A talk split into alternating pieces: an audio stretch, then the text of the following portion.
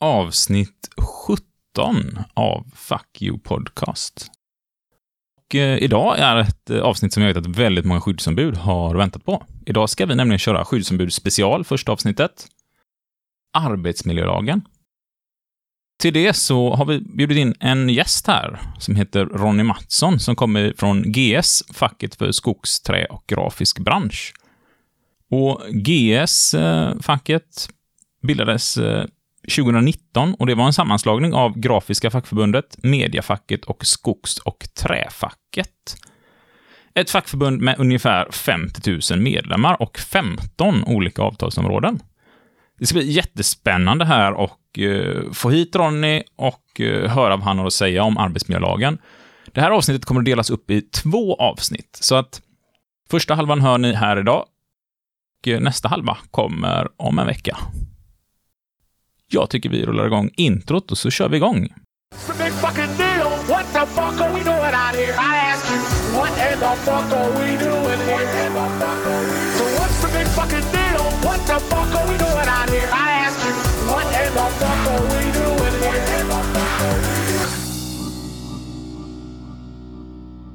Hej och välkommen till studion, säger jag till Ronny Mattsson.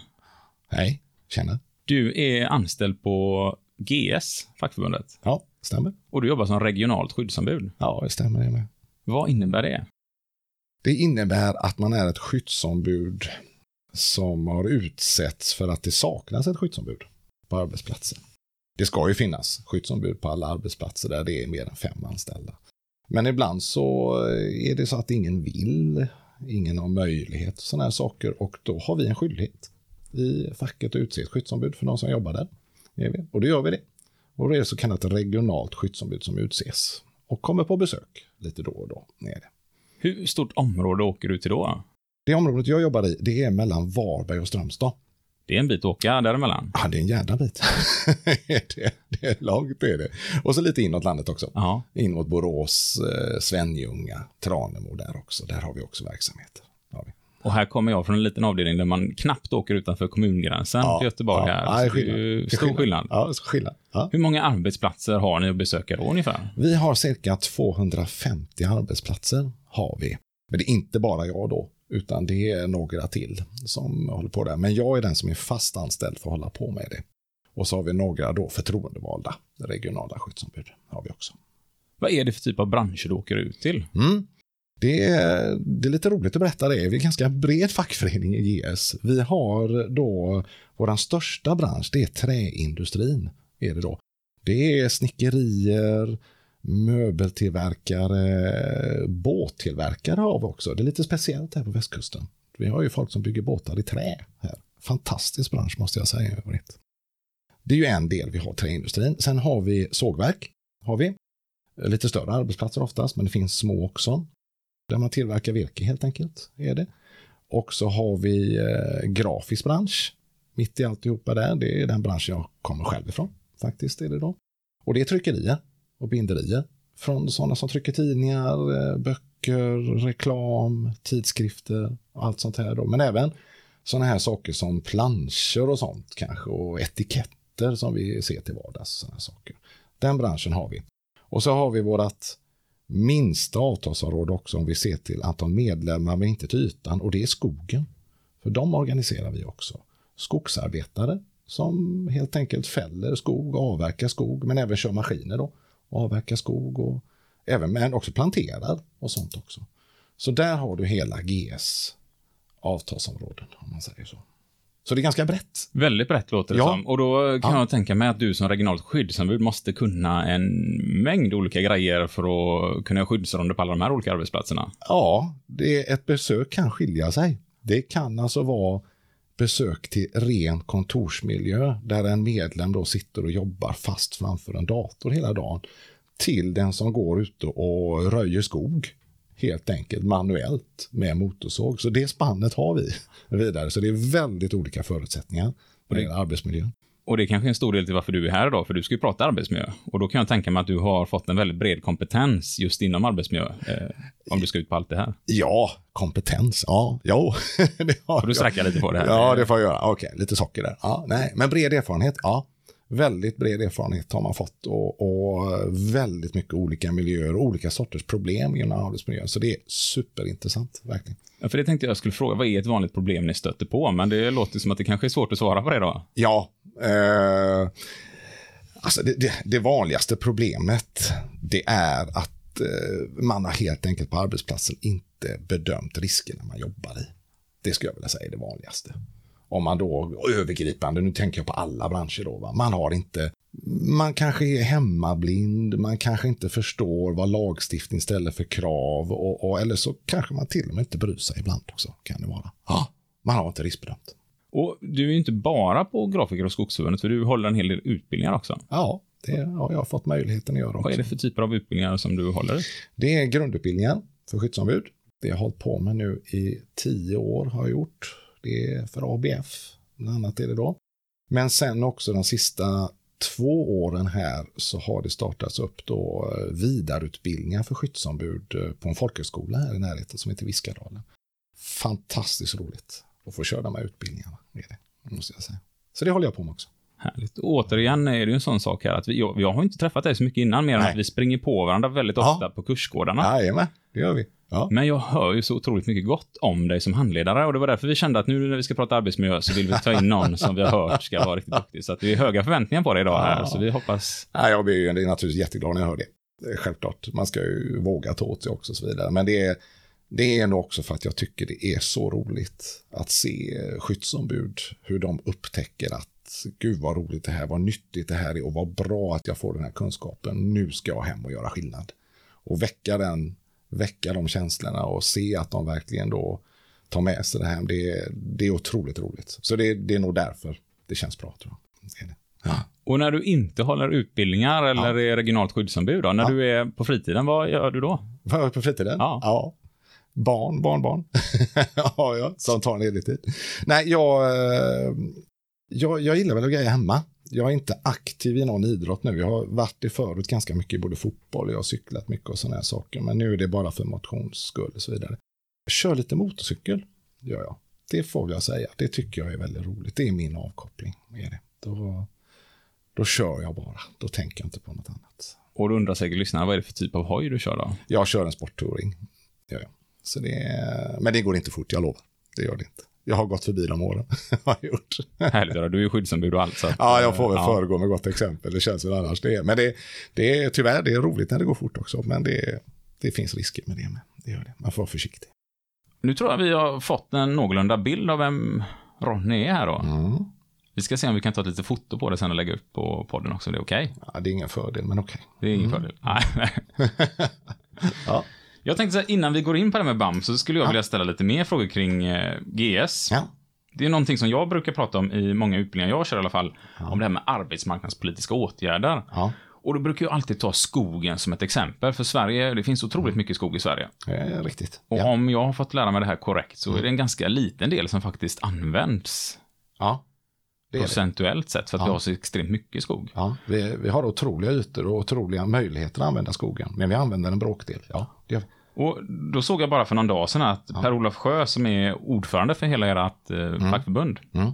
Han gjorde en debattartikel som jag tyckte var otroligt bra, så jag tänker att vi ska dela här i podden. Och han gjorde den på skogsaktuellt.se. Ja, Och det handlar om intressen för skogsjobb, att de ökar, men att bolagen, de duckar sin ansvar. De påstår att eh, svenskar inte vill jobba i skogen, att man tycker det är skitjobb. Och istället så ser man till att vi plockar in massa arbetskraftsinvandring. Och det är det här, någonting vi brukar prata om när vi pratar invandring på kurserna och folk tycker att ja, men det är dyrt att ta in invandrare. Fast vi har massa jobb som vi måste kunna utföra. Eh, Och just skogsjobben känns som ett sånt jobb där man borde kunna ta in eh, någon nyinkommen till Sverige, lära svenska språket ihop med en skogsbrukarutbildning och ganska snabbt få ut folk i arbete. Så att man till och med kanske kan jobba medan man lär sig språket och på så sätt komma in i samhället. Är det här någon fråga som ni jobbar med eller som ni är med och driver? Jag, jag- jag, måste ju först säga, säga det här eh, POs debattartikel här och jag tyckte den var väldigt bra också. Tycker jag var. Men det här handlar ju mycket om plantering. Det har varit planteringssäsong nu, förstår du. Okej, ja. Det sker på våren, man planterar ny skog. Alltså vi avverkar inte bara ny skog, vi vårdar ju skogen. Ser till att den växer upp igen. Det är lika mycket skogsvård det som att avverka. Och just det här plantering traditionellt sett, då har det varit så att man har tagit in lag ifrån baltiska länder och sådana här saker. Och det har helt enkelt varit för att det har varit en, en ekonomisk fråga. Har det varit. Inte för att det är dåligt jobb. Jag tycker personligen inte det är dåligt jobb att gå ut i skogen och plantera. Jag tycker det är helt okej. Okay, det. det är fritt, det är... Ja, det känns som en sån ja. sak som varannan svensk har som hobby nästan till och med. Ja, det, det Kanske det, inte är riktigt likadant. Vet jag inte riktigt vad du håller på med, men okej. Okay, ja. Nej, men alltså det, det, jag hade ju sett en väldigt bra möjlighet bland annat för ungdomar vi har i Sverige att ta de här jobben. Uh, ungdomar, studenter och andra. För där, där det är väl lite fysiskt kanske, men det, det, är inte så att inte vem som helst klarar av det. Det är liksom kontrollerat och, och bra jobb. Så jag, jag, jag, förstår inte riktigt att man inte har satsat mer inhemskt på det här. Men det, det, är en ekonomisk fråga. Jag vill inte hänga ut någon här, men jag tror att det är mycket en ekonomisk fråga. Mm. Så det. Och sen när det gäller projekt så, så har ju vi i GS-facket varit involverade tidigare i väldigt positiva projekt, tycker jag. Ett var Gröna jobb för några år sedan. Det var alltså av regeringen tillsatt pengar för att försöka få ut då flyktingar i, i arbetslivet i Sverige på ett bra sätt. Och då bestämde man att skogen kan vara ett sådant område. Så man eh, tillsammans, man gav Skogsstyrelsen i uppdrag i det här, eh, i det här projektet och vi var del i detta som fackförening för vi organiserar ju skogen. Så vi blev involverade i detta och då var arbetsmiljön en bit. Så jag var personligen engagerad i det här projektet som skyddsombud då. Och det var fantastiskt att se. För de, det, alltså de som kom hit som flyktingar, det är ju nästan ingen som vill sitta still på förläggningen och inte göra någonting. Då fick de en chans att under ordnade former komma ut och göra röjningsarbeten i skogen, få utbildningar och samtidigt också fanns det en undervisning i det svenska språket i det här involverat. Så de, de, de läste halvtid och arbetade halvtid och fick en helt schysst lön under tiden också. Ett oerhört positivt projekt. Jag såg så många som mådde så bra av det här. Och vi tyckte det var jätteroligt att vara delaktiga. Och få komma ut och förklara för de här människorna då som, ja ärligt talat, många hade inte sett ett träd Nej. innan de kom ut i det här. Och de tyckte det var otroligt att komma ut i naturen, få arbeta på ett vettigt och säkert sätt och vad mottagliga de var för att lära sig. Det var fantastiskt att få träffa dem och berätta liksom det här, de här maskinerna använder vi, tänk på det här och de sög åt sig verkligen. Och det var så roligt att jobba med dem.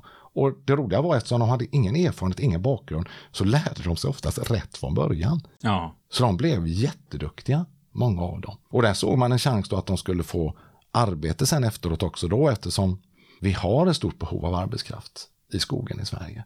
Så det fanns goda möjligheter. Men tyvärr så ströps ju det här projektet, gjorde det det slutade ganska abrupt, det gjorde det faktiskt. Och det tycker jag var väldigt, väldigt tråkigt. Var det. När var det man avslutade det här projektet? Nu vill jag passa lite grann här. Jag 2018. 2018. Jag kommer inte ihåg när. Nej. Gjorde jag inte. Men det... Det, det pågick och det hann att pågå ungefär i, i två år någonting. Och det skulle bli ett år till. Men det, då bedömde man att det inte fanns pengar till det. Och då fick det avslutas helt enkelt. Och det är ju här vi alltid pratar på våra utbildningar om de här värnen som ska skydda våra kollektivavtal som ja. i slutändan ska ge att ja. vi får bra villkor och hög lön. Ja. Och här har vi ett konkret exempel på ett sånt här aktivt arbetsmarknadspolitisk åtgärd som faktiskt gör skillnad för oss som arbetar och vill ha bra löner. Och det är, jag, har, jag har många minnen från det här projektet. Har jag. Det, jag träffade väldigt mycket trevligt folk, men det, ja, speciellt kände jag kvinnor som kom ut i det här projektet också. Gjorde de, som inte hade jobbat överhuvudtaget. Och fick komma ut och göra arbete. Och för dem var det en helt ny kultur liksom att kunna jobba. Så men vad de tyckte det var roligt. Mm. Och vad de lärde sig bra. Gjorde de det och det, det, var fantastiskt att se och fantastiskt roligt att få vara med i det projektet. Så jag hoppas att det kan komma liknande saker i framtiden. Det är där vi behöver arbetskraft också. Det är det. För det behöver vi i skogen. Gör det. Och det står ju, man säger fortfarande nu. Vi behöver mer arbetskraft i skogen. Ja. Det finns jobb där. Gör det. Och då, det var alltså då när man bytte budget, antar jag, som det ja. försvann? Ja. Och det blev en eh, blå budget helt enkelt? Korrekt. Ja. Är, utan att hänga ut någon så svarar jag. så, så ser man. Och det är tyvärr ja. så vi ofta ser när vi pratar om det här med löner och ja. allt det här. Att det är, vi pratar om en aktiv arbetsmarknadspolitik. Att det är mm. för så olika. Att eh, vissa delar tycker att det ska bara läggas på mm. företagen och andra mm. tycker att det här ska vi hjälpas åt med tillsammans i samhället. För att det, mm. Någonstans gynnar detta även mig som jobbar i motorbranschen. Om det kommer ut folk i arbete och är mindre arbetslöshet. eh, I slutändan genererar det att man kan faktiskt betala in lite mindre skatt om folk kommer ut i arbete. Och då kanske man får investera lite skattepengar. Det är klart det här projektet kostade pengar. Ja. Det är klart det gjorde. Skogsstyrelsen anställde ju egna personer för att leda det här projektet. Och, och, och allt det här, det, det, det är givetvis att det kostar pengar. Men om man hade sett lite längre vad det hade gett, om man säger så, så hade det ju varit värt varenda krona. Tycker jag. Ja, men det tror jag absolut. Få folk ifrån arbetslöshet till Ja. faktiskt dessutom att vi Ja. ökar vårt BNP i Sverige för att vi kan utöka industrin egentligen. Ja, men jag håller med dig. Ska vi ta och hoppa in på arbetsmiljön här nu då? Det vi- som ska alla lyssnare väntar på tror jag. Ska vi göra det? Ja, det kan vi göra. Vi har ju rätt mycket grejer och egentligen inom arbetsmiljölagen och skyddsombud och det är afsar och allt möjligt. Men eh, Ja. vi har ju gett dig ganska fria tyglar här nu. Eh, Vad tänker du att du vill börja någonstans? Du vet inte vad du gett in på. Nej. Nej, jag skojar bara. Det är lugnt. Eh, jag tänkte vi skulle börja med lagstiftningen. Ja, Ja. Utan att göra den här för tråkigt, tänkte jag då. När jag började som skyddsombud, när jag fick uppdraget, så det företaget jag jobbar på, de var med på tåget ganska bra, så jag fick åka på en utbildning tillsammans med cheferna. Där- Jag var huvudskyddsombud då. Och då skulle vi få en dag med arbetsmiljöutbildning, hette det. Och det, det var en hel dag med en arbetsmiljöingenjör som stod och läste arbetsmiljölagen rätt upp och ner, kapitel för paragraf, men entonig ton hela dagen. Det var min första riktiga utbildning tillsammans med chefer. Det var inte bra. Säga. Då tänker jag att i dagens läge kan man gå in på Arbetsmiljöverkets hemsida, så har de en sån läs upp-funktion. Ja, kan, kan man lika gärna lyssna på den. Kan man Så, göra det? Ja. Kan man göra det? Nej, så jag tänkte vi skulle inte göra så idag. Jag tänkte vi skulle titta på den. Jag tänkte vi skulle kolla på kapitel den innehåller. Men jag tänkte vi skulle plocka lite grann som, så att alla känner att aha, det är det här det berör. Va? Det är min tanke. Men jag skulle vilja börja med lite historia, Yes! om det är okej. Ja, det tycker jag absolut. Vet du när den första lagstiftningen kring arbetsmiljö kom i Sverige? Har du någon aning? Det här är ju pinsamt. Jag håller ju massa fackliga utbildningar och som jag har sagt innan, på något sätt ibland så är det som så att vi ja. som inte är i grund och botten skyddsombud, vi slinker undan Mm. arbetsmiljölagen, vilket är katastrofalt dåligt för att vi har ju så mycket hjälpmedel i arbetsmiljölagen. Använder man den så klarar man i princip vad som helst. Ja, ja det är sant. Och jag det- får ju gissa nu då. Ja, gissa. Och då skulle jag nog vilja säga att, eh, kan det vara, ja, jag vill säga någonstans på 20-talet. Ja, det går längre bak. Längre bak. Ja. 1800. 1889, då kom den första arbetsmiljölagstiftningen i Sverige. Det gjorde. Då, ja, ärligt talat, folk dog ju som flugor i arbetslivet. Det låter hemskt det här, men det, vi hade väldigt mycket sådana som eh, omkom och även skadade sig. Och då bestämde riksdagen att vi behöver en lag som sätter lite krav på arbetsgivaren att försöka att inte utsätta sina anställda för olyckor. Då. Alltså försöka Så, ja, det. försöka. Det var inte ska i början kan jag säga. Nej. Det var försöka var det. Och då kom något som hette yrkesfareslagen. Yrkesfara hette det. En Ja. lag om detta att man inte ska utsätta sina anställda för onödiga, onödiga yrkesfaror. Hette det då. Men det gällde inte alla. Det gällde industrin och det gällde handels. För där bedömde man att det var värst då. Alltså ingen annan omfattades. Men det var den första lagstiftningen som kom i Sverige kring detta. Var det. Och det rullade på och det hjälpte väl lite grann men det var inget sådär jättelyft var det inte. Utan sen så bestämde man i början på 1900-talet, 1910-1911 att nu behöver vi titta över det här. Och då kom det ett riksdagsbeslut om att skapa en arbetsskyddslag. Då byttes det där böret till skall. Man skall göra vad man kan för att undvika. Och då börjar det hända lite grejer kan jag tänka mig. Då började det hända grejer. Man, eh, man omfattade då alla också, bestämde man sig för. Inte bara handels och industrin, utan då berörde man alla. Utom en sektor, för den lämnade man fortfarande öppen. Nej, Då vill jag gissa på militären om det Nej. Nej. Nej. Mm. Offentlig sektor, Offentlig sektor. Ja. Ja. den omfattas inte av dem. Då gjorde man den bedömningen. Det behövs inte där. Tacksamt att jobba där. Ja, det kan man fundera på vad de tänkte då och så vidare. Men det, det, det, där höjde man nivån, det där började hända någonting kan man säga med arbetsmiljön. Då. Och då var en annan intressant sak, för året efter det, här, för det här var 1911, 1912, då kom man på en annan sak att det kan nog vara bra om de som jobbar får utse en representant som kan liksom hjälpa till och säga till arbetsgivaren att här har vi ett problem. Och 1912 skapades då benämningen skyddsombud. Gjorde den då. Fast det hette faktiskt inte skyddsombud om jag ska vara ärlig, från början. Det hette, det hette arbets, arbetsmiljörepresentant, hette det sådana Ja. saker då. va. Men det, det liksom, begreppet skyddsombud startades ändå där. Och funktionen skapades ändå där. Men själva benämningen skyddsombud och arbetsmiljöombud, det, det, det kom inte egentligen i lagtext förrän på 40-talet faktiskt. Men vi säger ändå att det var där skyddsombud eh, kom till. För, för skyddsombud kan kallas för arbetsmiljöombud Ja, också. det det är lite olika beroende på vilket fackförbund man är med i. Ja. Ja. korrekt. Helt korrekt. Båda benämningarna är likvärdiga. Och det har ju säkert, våra lyssnare som är arbetsmiljöombud har säkert Ja. stenkoll på detta. Ja. Men för de som inte har koll på det så kan det vara bra att känna till. fall. Ja, det kan vara bra. Och det, det jag, jag är lite mån om de som kallas arbetsmiljöombud. För vi, vi slänger oss väldigt mycket med skyddsombud Ja. över alla. Då? Men det finns benämningen arbetsmiljöombud också. Det är helt likställt med skyddsombud i, i, i lagstiftning och sånt. Gör det då. Så där, där kan man börja på 1900-talet så, så eh, hände det saker då. Sen stod det ganska still faktiskt till, ja, det kom ju några världskrig däremellan. Ja, som du det. vet, gjorde det och ställde till det lite grann. Sen efter andra världskriget, där, i slutet på 40-talet, så kände man att nu måste vi ta ett krafttag kring det här. För det var fortfarande ganska mycket olyckor.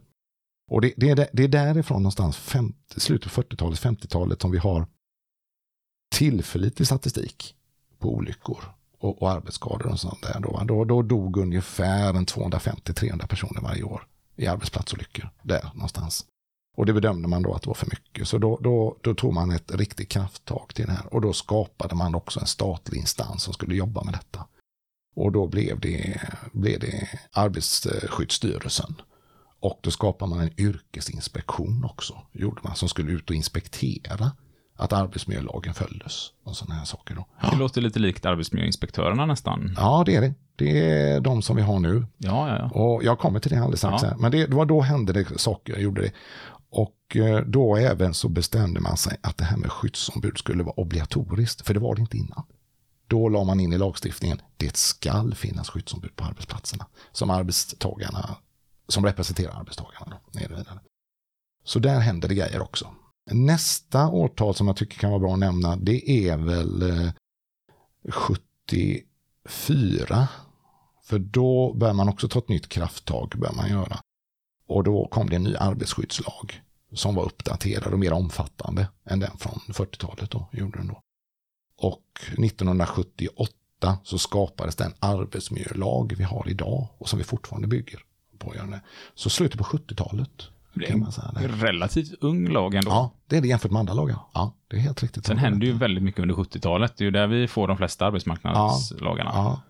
Och för våran del också på 70-talet, där vid 78, så kom en annan sak, en, en, en förstärkning i lagstiftningen som var väldigt viktig för oss skyddsombud. Och det var rätten att begära åtgärder och även rätten att stoppa arbete ifall vi såg risker med det. De befogenheterna la man in i lagstiftningen då 1978. Gjorde man. Och det här tänker jag, det kommer vi nog komma in på i dagens Ja. avsnitt va? Ja, det kan vi göra. Spännande. Ja, det kan vi göra. Det. Sen eh, efter det, för att avsluta det här historiekapitlet om man säger så, så hände det inte så mycket. Det som var stort sen, det var väl runt 2000 där faktiskt. För då, då, då kom man med en ny föreskrift som skulle då vara en, ett verktyg för arbetsgivarna att jobba med arbetsmiljö på ett vettigt sätt.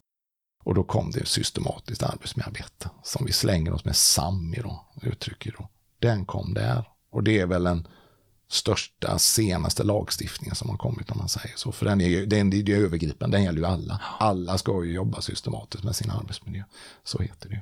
Så där har vi lite historik, Isak. Spännande att höra och kul för mig som håller så mycket fackliga utbildningar men Ja. har så dålig koll på detta. Nu känner jag ju att jag har... Hur vet du det? Nu har jag lite grejer Ja, jag ska ja. fördjupa mig i som Ja, jag kan bra. faktiskt eh, Ja. börja lära ut också. Ja. Lite smått sådär. Så är det. Så i och med det så tänkte jag kanske att vi skulle försöka gå in på lagen då. Ja. Men och, och, och liksom gå igenom lite grann vad den innehåller. Och så tänkte jag stanna still på några ställen här. För jag tycker det, den innehåller väldigt mycket bra saker.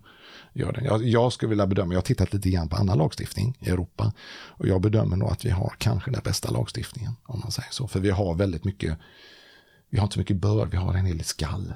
Det skall vara så här. Och det gillar jag. Och det tycker jag är så skönt Ja. när man öppnar arbetsmiljölagen Ja. eller man öppnar. AFSarna. Att eh, Ja. det är så tydligt många gånger. Alltså. I våra kollektivavtal så är det bör och Ibland låter det nästan som om arbetsgivaren är snäll så kan du få. Men i de här lägena så är det väldigt mycket mer tydligt. Ja, men det är det. det, är det. Så är det. Och- Sen är det bra. Det här borde ju alla vi som förhandlar ute på arbetsplatserna, Mm. vi borde ju kunna det här utan till. För det, och så jobbar vi på den klubben där jag jobbar, att vi huvudskyddsombud och förhandlare, eller vårt Mm. huvudskyddsombud är förhandlare, men vi ska alltid vara med i alla förhandlingar tillsammans i princip, just Mm. för att ha den här bredden och kompetensen. Och det är så många gånger jag själv blir räddad av Mm. Robin Alsing, som han heter. Och han vet att du håller kurs med ibland också. Mm, det händer. Mm. Fantastisk kille. Eh, Nu fick han lite socker där också. Nu fick han lite socker ja, Vi också. ska åt Robin här nu. Gör det. Eh, nej, men det, det är, och det är väldigt intressant det du säger för det, det, vi kan komma in mer på det längre fram. För det, vi själva som har jobbat med arbetsmiljö, de senaste åren har vi mer och mer kommit in på det här, kopplat ihop det här med arbetsmiljö, eh, medbestämmandelagen, arbetsmiljöförhandling. Så där tror jag vi har ett jättestort utvecklingsområde. Ja, och jag, det Ja. finns ju en hel del sådana utbildningar i många olika fackförbund. Ja. Och det gäller ju att folk ska söka de här utbildningarna och gå dem och vidareutveckla dem. Och det, det, det, det är så roligt att koppla ihop det här också. Förstår du? Att koppla ihop förhandlare och sådana som jag då, arbetsmiljönissar som man själv kallar sig här. Då. För vi har otroligt mycket att ge varandra. Och det är inte bara att vi har att ge, att jag då som arbetsmiljösakkunnig har och ge de fackliga, utan det är, det är åt andra vägen också. Faktiskt jag har märkt. Vi har ett väldigt stort utbyte av, av varandra och kan då tillsammans bli väldigt starka tror jag i framtiden. Och det är viktigt, det är viktigt det här, att vi fogar ihop de här grejerna. Så det är en jätteintressant avstickare där. Vi kan komma in mer på den sen. Då kör vi en liten trudelutt där och så börjar vi med lagen sen då. Vi gör så då. Ja. Ja, lite lagstiftning ska vi prata om. Det ska bli roligt tycker jag, eller vad säger du? Ja, det ska bli jättespännande. Jag tycker ändå lagar är kul. Du gör det? Men man måste göra det på ett roligt sätt. Ja, det måste man göra. Och jag har väl haft turen och blivit uppledd av en kollega till er i dagsläget. Mm, mm. Ja, jag funderar på det ibland när man kör utbildningar. Hur ska man göra det på bästa sätt? Ska man ha en powerpoint? Ska man stå och läsa en bok? Ska man göra grupparbeten? Och jag, jag har kommit in på mer och mer grupparbeten. Att man får jobba sig in i lagstiftningen. Det kan vara ett ganska bra sätt. Men Ja. det, det kan vi prata senare också. Det är utbildningspedagogik och sådana saker. Ja, men det kan, det kan, kan vi avsluta med lite pedagogik. Kan så kan du ge lite pedagogiktips.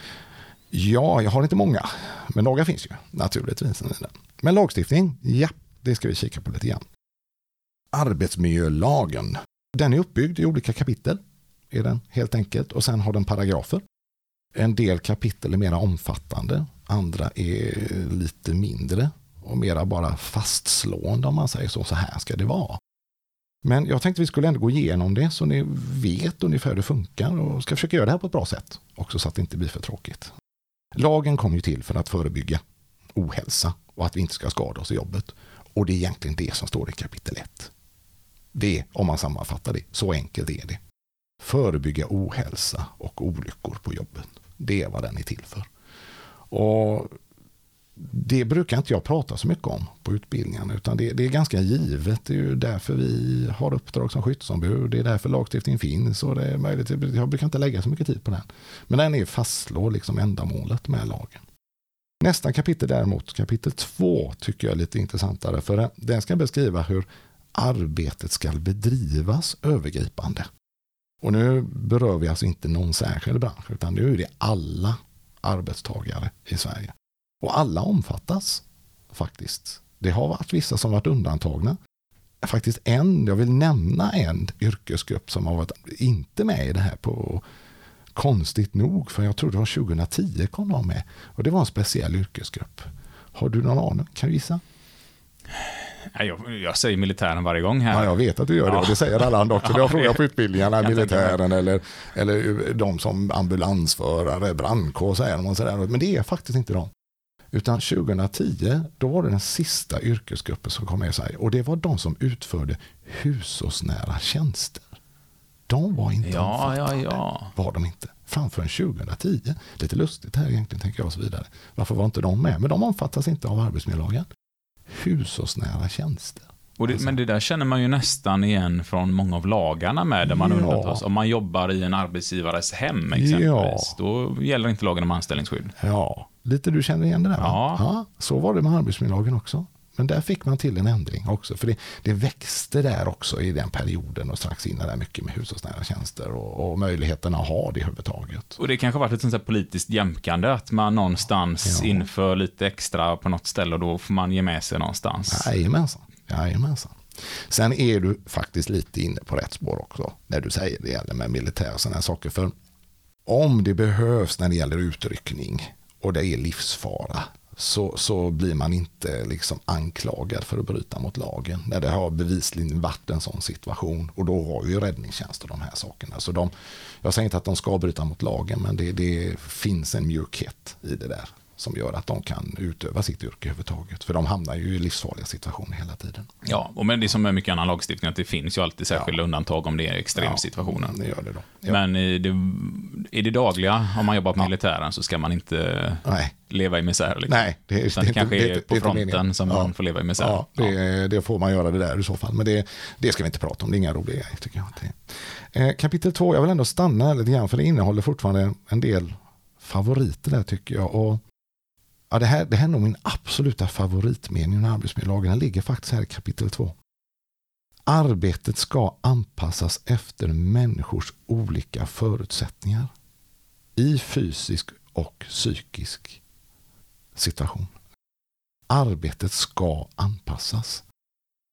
Lyssnar du på det? Ja, och då, då, det här är en sån fråga som jag tycker är så svår. Liksom. Var, Ja, ja. var drar man den gränsen? För om vi, om vi tänker oss ut i arbetslivet här idag, så är det inte lite tvärtom? Eller? Ja, det tycker jag absolut. Ja. Nästan allting låter Ja. i alla fall som att eh, man försöker hävda att du får väl anpassa dig lite för företaget. Ja, ja.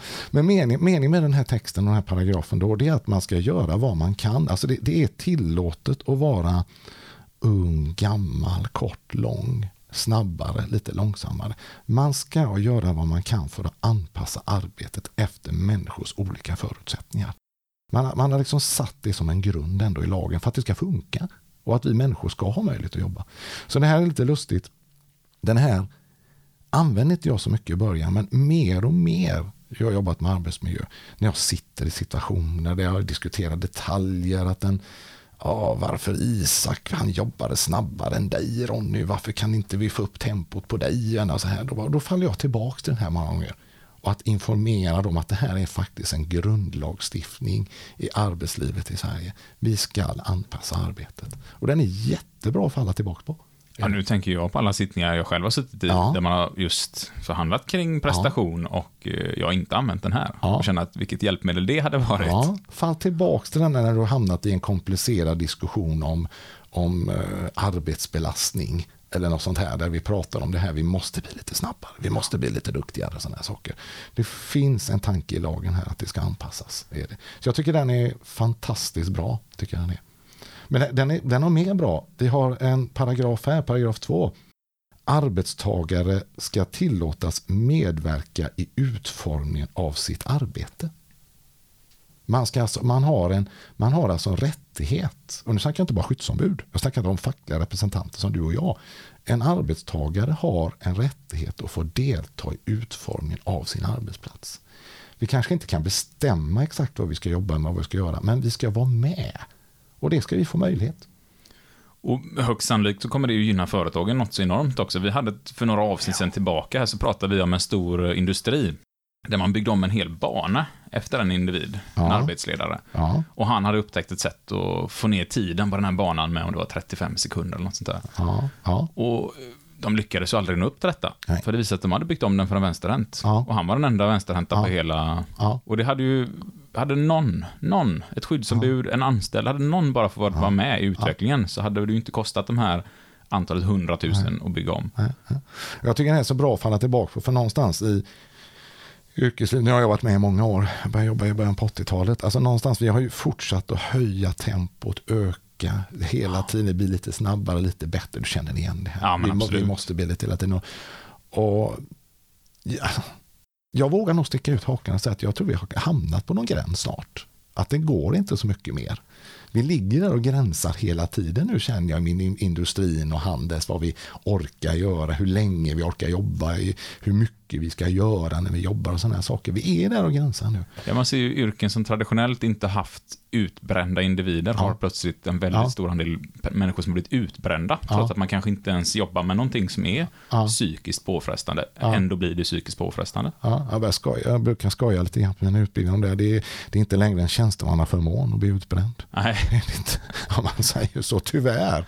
Utan det är, det är, det är våra kamrater också då. Och, och det, är, det, är, det är det här uppdrivna tempot, kan man säga. Arbetsbelastning som man kallar det då. Ja. Men det var ju därför också, du nämnde det förut själv, det är ju därför den här lagstiftningen, man har ju märkt det här. Och det var därför den här OSA-föreskriften kom då 2016. Så den ska ju vara ett, försöka motverka det här ja. lite grann. För det, vi ser ju problemen i statistik också. Och vi har, OSA för de som inte känner till vad det är. Ja, det, är- det, är, det är alltså en föreskrift då som eh, kom 2016. En, som handlar om stress, handlar om kränkande särbehandling och att arbetstider också kan vara en risk. Och, och Den är jätteintressant den här föreskriften. Är den. den var väldigt väntad. Var den. Man hade väldigt höga förhoppningar på den. Det kanske inte uppfylldes riktigt så mycket. Men det är ett verktyg att använda för att motverka de här grejerna vi ser och de här sjukskrivningarna vi får nu inom arbetslivet. Och den kommer vi ju djupdyka i enormt i den här podden sen lite längre fram. Jag vet inte hur mycket vi kommer komma in på den idag. Eh, vi kan nog ta ett eget avsnitt om den, Ja. för den är så viktig. Och, och den, den, är, den är lite svår också. Det, det är lätt att säga, du får inte ha det stressigt på jobbet. Ja, ja, visst, kör det. Det, det är lätt för dig att säga. Men det finns alltså stöd i den som gör att man kan, ja, man måste undersöka och göra vad man kan för att få ner den här arbetsbelastningen och stressen och saker. Det är ett stöd för oss och ett verktyg. Det är ett stöd för arbetsgivaren skulle jag vilja säga, men det är ett verktyg för oss också förtroendevalda som vi kan använda för att försöka motverka de här problemen vi har på Ja. arbetsmarknaden idag. Så den tar jag gärna lite extra om separat. Gör det. Och den innehåller också ett ämne som är tungt och svårt och det är det här med kränkande särbehandling. Det är, det. det är jättetufft att ta. Men det visar sig att när de gjorde undersökningar inför den här föreskriften så är det faktiskt en av de vanligaste anledningarna till att våra kamrater mår dåligt på jobbet. Det är att de upplever att de är kränkta faktiskt. På ena eller andra sättet. Ja. Det är inte bara kvinna, man eller något sånt här eller mobbing vi pratar om. Det är så mycket mer det där med kränkande särbehandling. Så det tar vi gärna separat. Gör vi. Jag skriver upp det här och så Gör det. återkommer vi till lyssnarna med ett sånt avsnitt. Ja, ja, ja. Paragraf, eller rättare sagt kapitel 2, går jag tillbaka till. Den nämnde massa andra saker, jag ska inte bli tjatig här. Den pratar om att arbetslokaler ska vara utformade så att de passar verksamheten. Säger den. Lite allmänt så här beroende på vad man jobbar med. Eh, Man ska ha bra arbetshygieniska förhållanden, står det också. Tekniska anordningar ska vara säkra, står det. Eh, Omfattar ganska mycket som du förstår. Det är ju maskiner och allting vi använder, verktyg och Och det är alltså möjligheter till tvätta händer och Ja. gå på toaletter och allt Ja. sånt här då? Ja, finns också. Det Ja. står med här i grund och botten. Det, det står inte i detalj exakt hur det ska se ut, men det står att det ska vara tillfredsställande till vad du jobbar med, om man säger så. Sen finns det, sen kommer ju då föreskrifterna som vi kan prata om längre fram, som beskriver lite mer i detalj hur du ska vara inom olika områden. Det kommer. Men i grund och botten nämner man det här också i lagstiftningen. Och det tycker jag är bra. Tycker jag det. Jag kommer ihåg ett gammalt kollektivavtal vi fick gå igenom en utbildning som Byggnads hade från väldigt tidigt 1900-tal. Ja, Och då hade de inskrivet i avtalet att det skulle finnas en hink att utföra sina behov i på varje våningsplan när man byggde hus. på varje våningsplan. Ja. Ja. men det var ju lite bussigt. Det var bussigt, då har man Ja. lyckats förhandla in. Då känns ju Ja. det här Ja. ändå bra mycket tydligare. Ja, men det, alltså det, det är lite lustigt för det, det är fortfarande konstigt nog ett, kan vara ett problem idag. Även när man bygger nya verksamheter. Det är inte ovanligt att vi skyddsombud får gå in och säga nej nu får du tänka lite grann när du ska bygga till det här.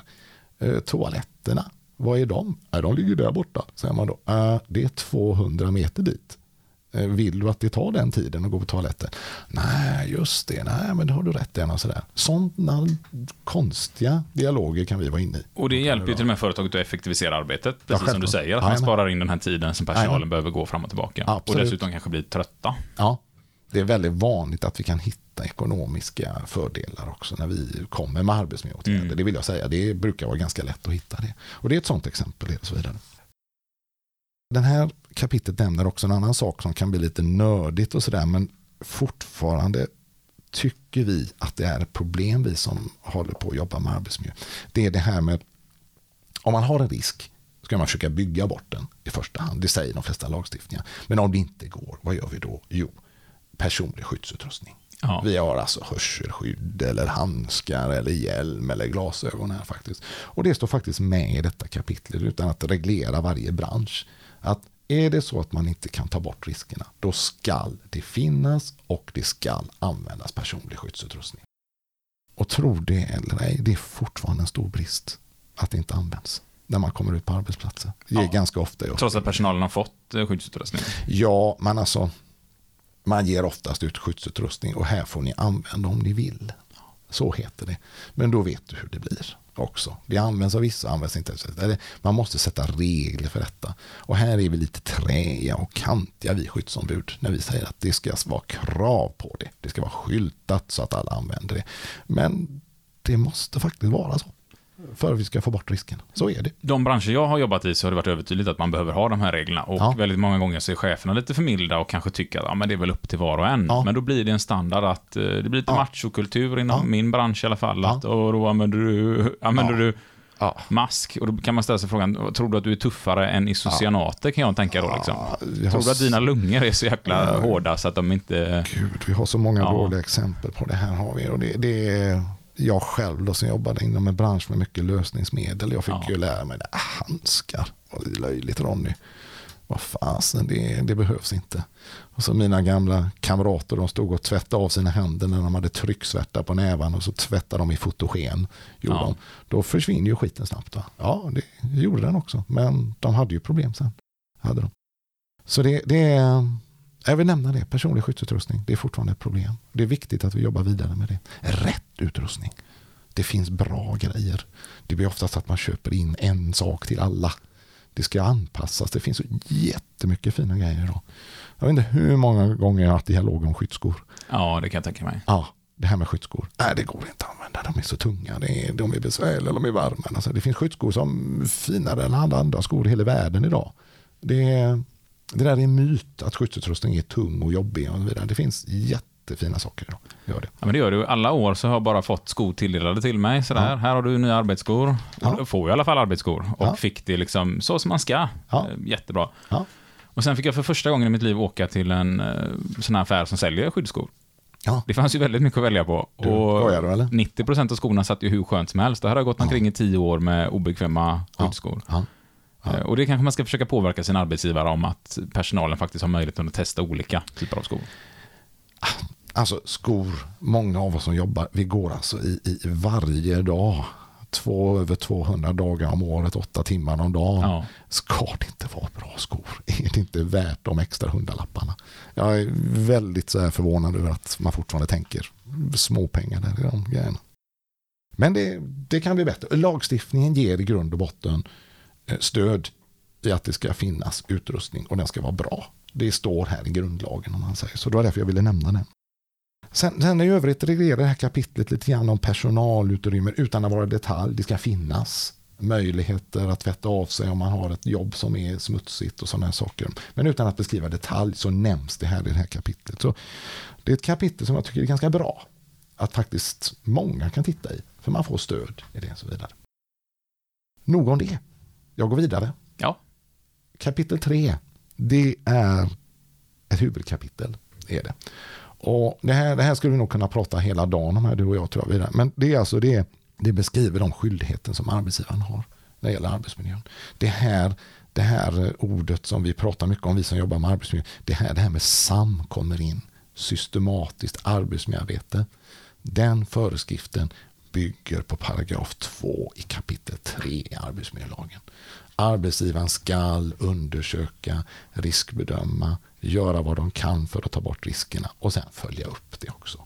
Det bygger ur detta kapitlet, paragraf 2. Är det. Så det är ett ganska omfattande kapitel, är det på det sättet.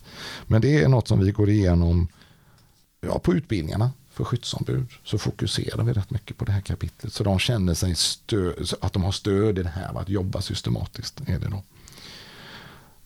Nej, arbetsgivaren ska vidta alla åtgärder de kan göra för att ta bort riskerna. Och det står så? Alla. Det står så. Ja. Ja, Arbetsgivaren ska vidta alla åtgärder som behövs för att förebygga att arbetstagaren utsätts för ohälsa och olycksfall. Så står det i grund och botten. Det är ju tungt skrivet. Ja, ska vidta alla åtgärder. Ja, det är ganska tungt skrivet. Jag håller med den här. Det är det. Men väldigt bra att ha att stödja sig på. Det är det. Jag vill nämna en sak här som kommer lite skymundan ibland i detta kapitlet. Det, det är det här när, när, man in, när man har, ifall man upptäcker att man har risker man jobbar i, men man har inte kompetens själv, alltså skyddsombuden, arbetsgivaren, arbetstagarna, utan man behöver hjälp att bedöma risker. Då står det att det ska användas företagshälsovård där man inte har egen kompetens. Och det står faktiskt reglerat i lagen. Skyldighet att ordna företagshälsovård. Står det där. Och det ska alltså finnas då företagshälsovård om man har risker och om man behöver kontrolleras för att liksom uppnå en god arbetsmiljö och en säker arbetsmiljö. Då ska företagshälsovård anlitas. Och det här är något som håller på att försvinna lite grann förstår du. Gör det av någon anledning. Det, det, det kostar lite pengar att göra mm. sådana här saker och man får inte riktigt det man vill ha av företagshälsovården och sådana här saker. Men det står alltså grund och botten i, i, i arbetsmiljölagstiftningen att det ska finnas en anpassad företagshälsovård. ska det finnas. Och här, här är också väldigt vanligt, för här, här har vi en rättighet att vara med. Vi som är skyddsombud och fackliga. Att redan vid upphandlandet av företagshälsovården så ska företaget involvera oss för att vi ska komma med våra och kunna lägga fram våra inlägg. Varför vill vi ha det här? Och varför är det bra att vi har de här hälsokontrollerna och sådana här saker? Här ska vi vara med. Och det hoppas över många gånger. Men det står lagstöd i detta i, i andra kapitel, eller tredje kapitlet, andra paragrafen C här. Att vi ska vara med redan vid upphandlandet av företagshälsovård. Så den vill jag nämna också. Mm, det tror jag många missar och glömmer. Ja, det det. Vi hade till och med inom vår bransch en egen eh, typ företagshälsovård som bara var riktade mot motorbranschen. Mm, och det vet jag att det finns för andra branscher också. Ja. Men så väljer vissa företag lite andra alternativ som de tycker är lite billigare. Ja. Lite, som inte man behöver teckna allt på samma gång. Och, lite Ja. så, och så försvinner det eller dör ut eller något annat köper upp det och sådär då. Eh, Och det är ju tragiskt när det blir så. För då har man haft en specifik som har stenkoll på just de arbetsmiljörisker vi har. Ja, ja, ja, det är jättetråkigt. Och även de här förebyggande kontrollerna. Alltså det, det finns ingen lagstiftning i det här som säger att, att, att, att du ska få en hälsokontroll om du inte jobbar med något farligt. Men alltså värdet i det är så stort, både för arbetstagaren och även för arbetsgivaren, som jag brukar förklara Ja. ibland. Tänk, tänk att din arbetstagare då får en liten kontroll på, vi säger lite blodtryck och lite sådana här saker. Och så visar att det någonting är på väg att bli fel utan man märker det. Och så kan man hjälpa till i ett tidigt skede. Då får ju du en arbetstagare som stannar kvar och jobbar. Som inte blir sjuk och dålig. Och Absolut. sådana här saker. Det är jättemycket värde i det här. Jag tror bara värdet i att man känner att oj, jag får en hälsokontroll. Ja, Oj, jag mådde bra. Bara det rycker upp en så pass mycket att man Ja. liksom känner att eh, ja. nu känner jag mig engagerad och peppad att jobba på. ja, ja visst. Ja, visst. Det är, det så jag bara egen personlig erfarenhet. Jag gick på någon sån kontroll för några år sedan och då märkte man att jag hade lite förhöjt blodtryck och sådana saker. Kände jag någonting av det? Nej, inte någonting och så vidare. Men det märkte man då så kunde man göra någonting åt det. Ja. Jättebra tycker jag. Jag blev så glad häromdagen. Jag var hos en arbetsgivare för några dagar sedan bara som inte var ansluten till företagshälsovård, ett litet snickeri i Göteborg. Då. Men eh, när jag, pratade om det här så såg jag direkt vinningen av detta.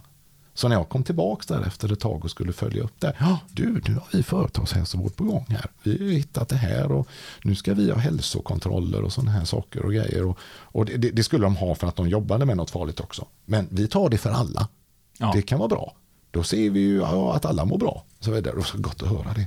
Och så är det kul att se att det gör skillnad med det fackliga också, eller Ja, ja, ja. skyddsombudsrollen, att man faktiskt kommer ut och kan påverka. Ja, det är ju det är en bonus för oss som eh, kommer ut som regionala skyddsombud. Det är uppdraget jag har själv. Det är en bonus att man kan göra skillnad. Och jag antar också att den här arbetsgivaren kommer om några år inse, gud vad värdefullt det var med regionala skyddsombud som kom hit och hjälpte oss att få igång detta och att det har gett personalen liksom nytta i detta också. Du, jag tror han ser det redan nu. Redan nu. Ja. det är ju fantastiskt. Ja, han ser vinning i det, för det, det är ju det vi vill. Ja. Det är ju det, när vi kommer in på den biten så vidare. Ehm, jag vill nämna några saker till i den här kapitlet 3 då, som kan vara bra för alla. Här står återigen det här med att arbetsgivaren ska anpassa arbetsförhållande för att ta hänsyn till arbetstagarens särskilda förutsättningar. Det nämner man här igen. Du känner igen det här från kapitel 2? Va? Ja, absolut. Ja, här förstärker man det lite grann. Igen, att arbetet ska anpassas. Eh, man ska, vid arbetets planläggning och anordnande ska beaktas människors förutsättningar för olika arbetsuppgifter. Ta vara på de här när vi sitter och förhandlar om annat och så vidare. Backa tillbaka lite grann. Det står här i paragrafer att vi ska göra vad vi kan. För det där hoppar många gånger, man hoppar över det. Det gör man. Och vidare. Så det är bra tycker jag att nämna ur det här kapitlet. Skador om det sker. Man är skyldig på att anmäla skador. En arbetsskadeanmälan Ja, helt enkelt. ja. ja. Det står också i lagen här. Arbetsgivaren ska göra vad, vad han kan här för att hjälpa till i det. Han måste anmäla det till Försäkringskassan. Men här står det också att arbetsgivaren ska anmäla, i fall det är en allvarlig arbetsskada, då ska man anmäla till myndigheter och sådana här saker. Det står förtydligat i det här kapitlet också, gör det. Det känns ju som en sak som man hör ibland på vissa håll, att vissa arbetsgivare är jättenoga med att fylla i det här, Ja. medan andra i princip uppmanar till att nej, det var väl lite klantigt av dig själv, det här kan Ja. vi inte fylla i en arbetsskadeanmälan på. Ja, helt rätt. Det är det. Och de förstår inte riktigt de skyldigheterna de har. Och så vidare. Och det här är ju det här är inte för att sätta dit arbetsgivaren. Det här är ju för att eh, hjälpa individen i fall. Ja, för försäkringen är redan Ja. betald för och det är Ja, ingen ja. självrisk för företaget att Nej. man har skadat sig på jobbet. Så Nej, det är nej, bara till stöd för den som har råkat illa ut egentligen. Bara till stöd fram igenom om skadan skulle innebära ett problem fram igenom. Då finns det här dokumenterat, anmält och sådana här saker. Och det får vi förklara många gånger för arbetsgivare hela tiden när det sker en arbetsskada. Det är inte att anklaga dig, det är för att hjälpa din medarbetare ifall det skulle bli ett problem. Saker. Det är jättevanligt med okunskap kring de här reglerna. Och för dig som lyssnar så kommer det komma ett avsnitt längre fram som handlar just om arbetsskadeanmälningar, vad det Mm. finns för försäkringar som ingår i Bra, de stora kollektivavtalen lite sådär och hur Mm. det påverkar. Så att det kommer det komma om, så där kanske vi inte behöver hoppa så mycket djupare just i den nu, nej, utan eh, ska vi inte göra. det ska vi göra en jättefördjupning i. Ja, det tycker jag är bra. Och det är, försäkringar är ju precis som arbetsmiljö, det är lite tungt att prata med. Men gör man det på ett bra sätt så tycker jag det är jättebra att alla har en liten, liten grundkunskap. Så det är bra att ni tar det längre fram. Några saker till vill jag nämna kort som jag tycker är viktigt att veta om när det gäller det här kapitel 3 faktiskt. Det är det, är det här med rehab. Arbetsgivaren har, om, om någon blir sjuk eller skadad så har arbetsgivaren en skyldighet att medverka och ta initiativ till en rehabilitering. Och här är också många gånger att vi får hjälpa till. Vi skyddsombud också får hjälpa till där så att det går tillväga på rätt sätt. Också ett avsnitt man kan snacka mycket om. Separat är det. För Ja, det är garanterat. oerhört viktigt är det att det görs på ett bra sätt. Och här ser vi brister många gånger. För rehab tror jag också är en sån här fråga som man upplever som så stor och så tung, Ja. så man har Ja. inte riktigt lärt sig grunderna i det, men när Ja. man väl lär sig grunderna och lär sig skriva Ja. upp en rehabkedja i en Ja. tidsaxel och sådär, så blir det mycket lättare att jobba med det. Ja. Men vi har med det i en arbets... vi, vi har med det vi skyddsombud eftersom vi kan vara en del i detta. Ja. Så det är väldigt viktigt att vi skyddsombud har en grundkunskap i det här.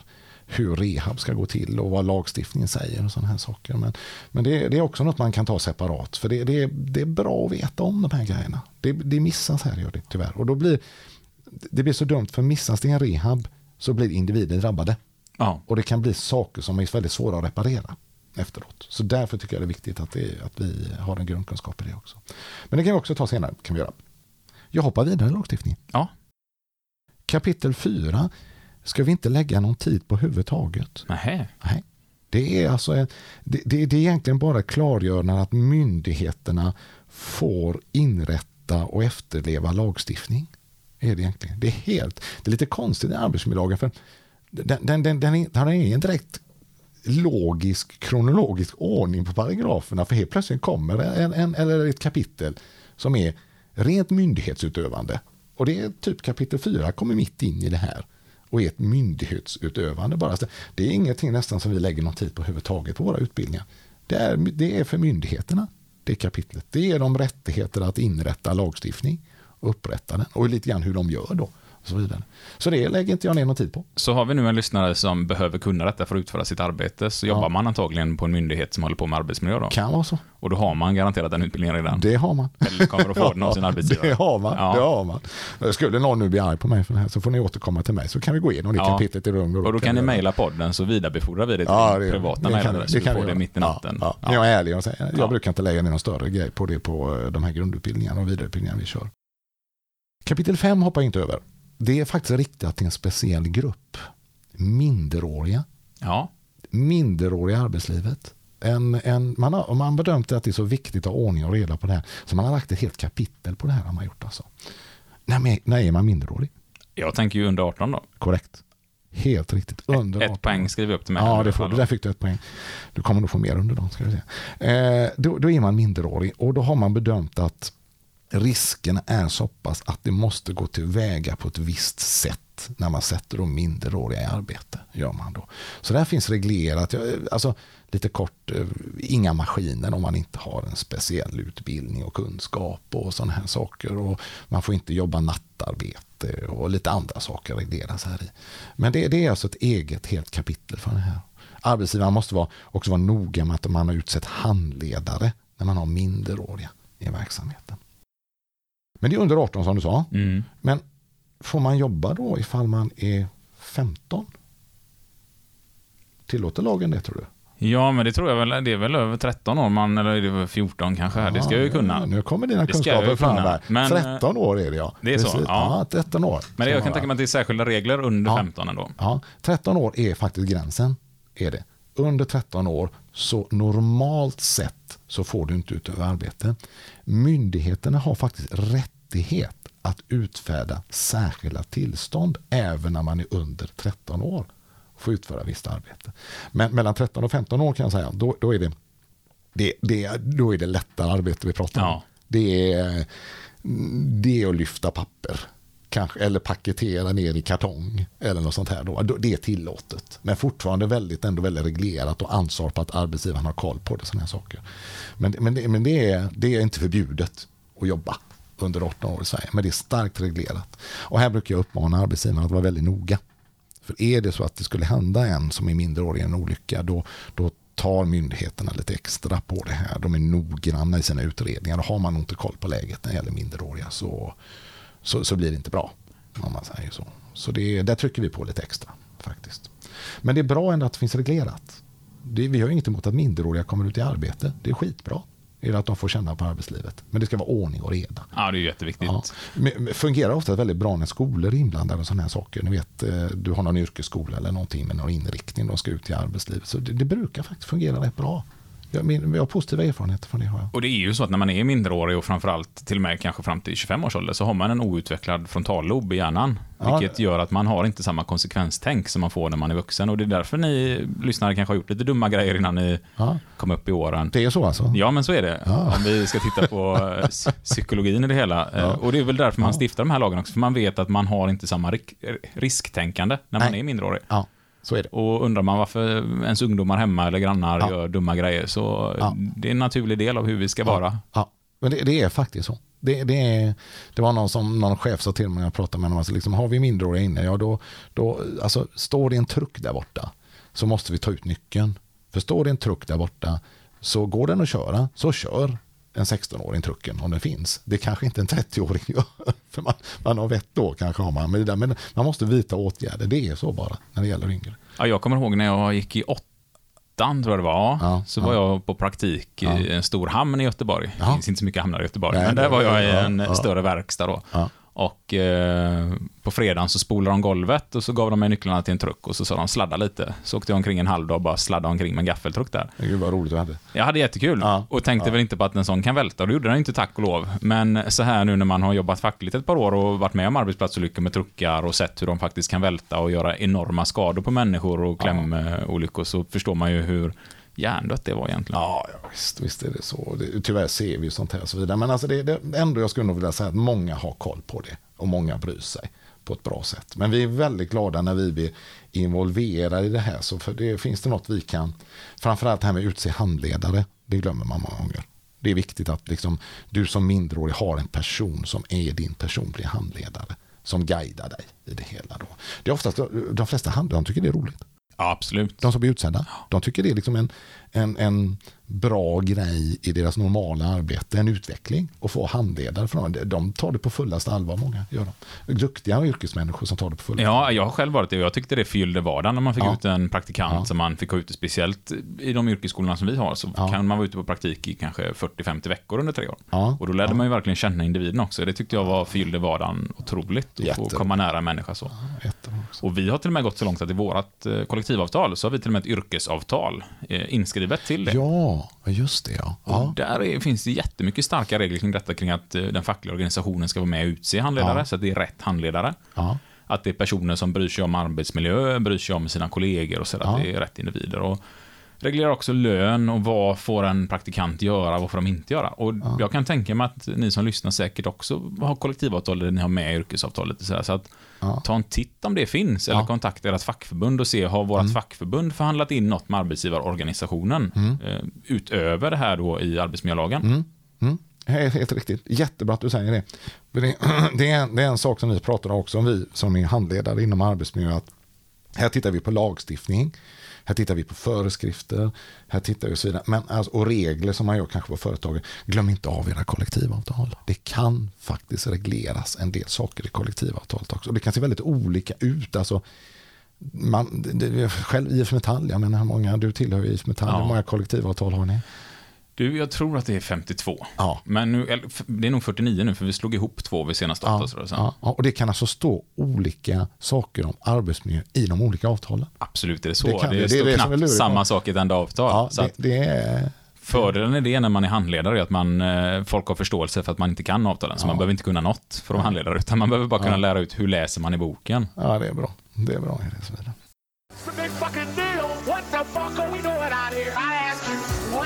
fuck are we doing here? So what's the big fucking deal? What the fuck are we doing out here? I ask you, what in the fuck are we doing here? Du har nu lyssnat på första delen av arbetsmiljölagen med Ronny Mattsson på GS här i Fuck You Podcast. Om en vecka så kommer fortsättningen i del två, där vi kommer att kliva in på bland annat skyddsombudets roll, afsar och ännu mer smått och gott här. Så att eh, vi hörs om en vecka. Ha det gött där ute!